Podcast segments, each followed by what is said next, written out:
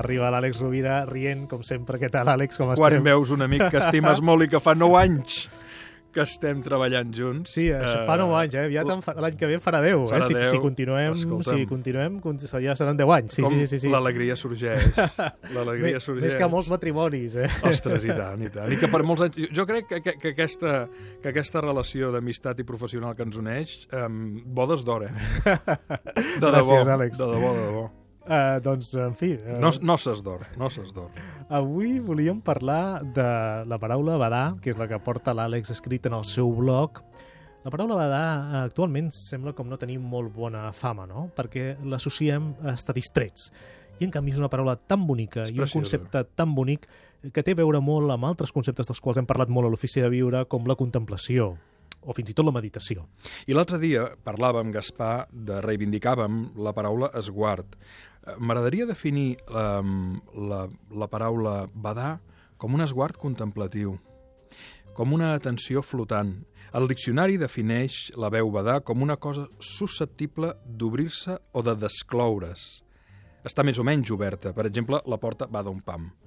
Uh, com tu bé deies, sovint pensem que el badar és un estat no productiu on fins i tot el, els processos estan, o el nostre, el nostre jo està uh, segrestat per un pensar estèril, quan moltes vegades el pensament creatiu més poderós sorgeix badant, quan l'atenció no està focalitzada i sobtadament eh, connectem idees, ens venen inspiracions, aboquem records. Eh, badant no és una activitat improductiva. Jo diria que és la diàstole necessària eh, o l'aspiració necessària per tornar a inspirar, per tornar a bategar. Um, ara que es parla tant del mindfulness, que es parlava tant de la meditació, a mi m'agradaria reivindicar el verb badar i la seva conjugació com quelcom que pot ser extraordinàriament fèrtil, amable, productiu i relaxant i convidaria a tothom a acabar d'una mica, no quan està fent una activitat que requereixi atenció, però aturar-se, sentar-se sota un arbre, sentar-se en un prat, mirar la platja, mirar el mar i badar. Que no vol dir no estar present, estar present, però amb una relaxació on obrim la ment i veiem què surt de dins i de fora. Una paraula molt bonica, en prenem bona nota, i també les paraules de l'Àlex Rovira, crec que... Per què hem d'utilitzar de vegades paraules estrangeres si, si copsem en el fons el significat i l'etimologia que tenen moltes paraules que ja feien servir els nostres mm, avis i ancestres i que estan plenes de significat. Les podem portar aquí ara i, i donar-los precisament una lectura diferent en un context diferent. Moltes gràcies, Àlex Rovira. abraçada, Els oients Gaspar. també. Moltes gràcies. Una abraçada. Molt bona setmana.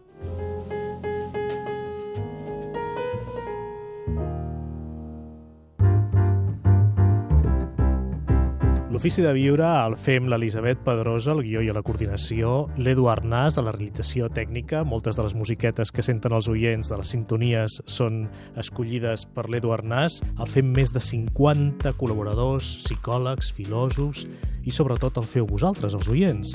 Tot i que cada vegada que fem l'Ofici de Viure no pensem en oients en abstracte, en milers d'oients, sinó que pensem en un oient, pensem en tu. Feu podcasting allà on aneu amb l'Ofici de Viure. Al web catradio.cat teniu tots els Ofici de Viure mesos a la vostra disposició per escoltar sempre que vulgueu. L'ofici de viure amb Gaspar Hernández. Un programa sobre conducta humana.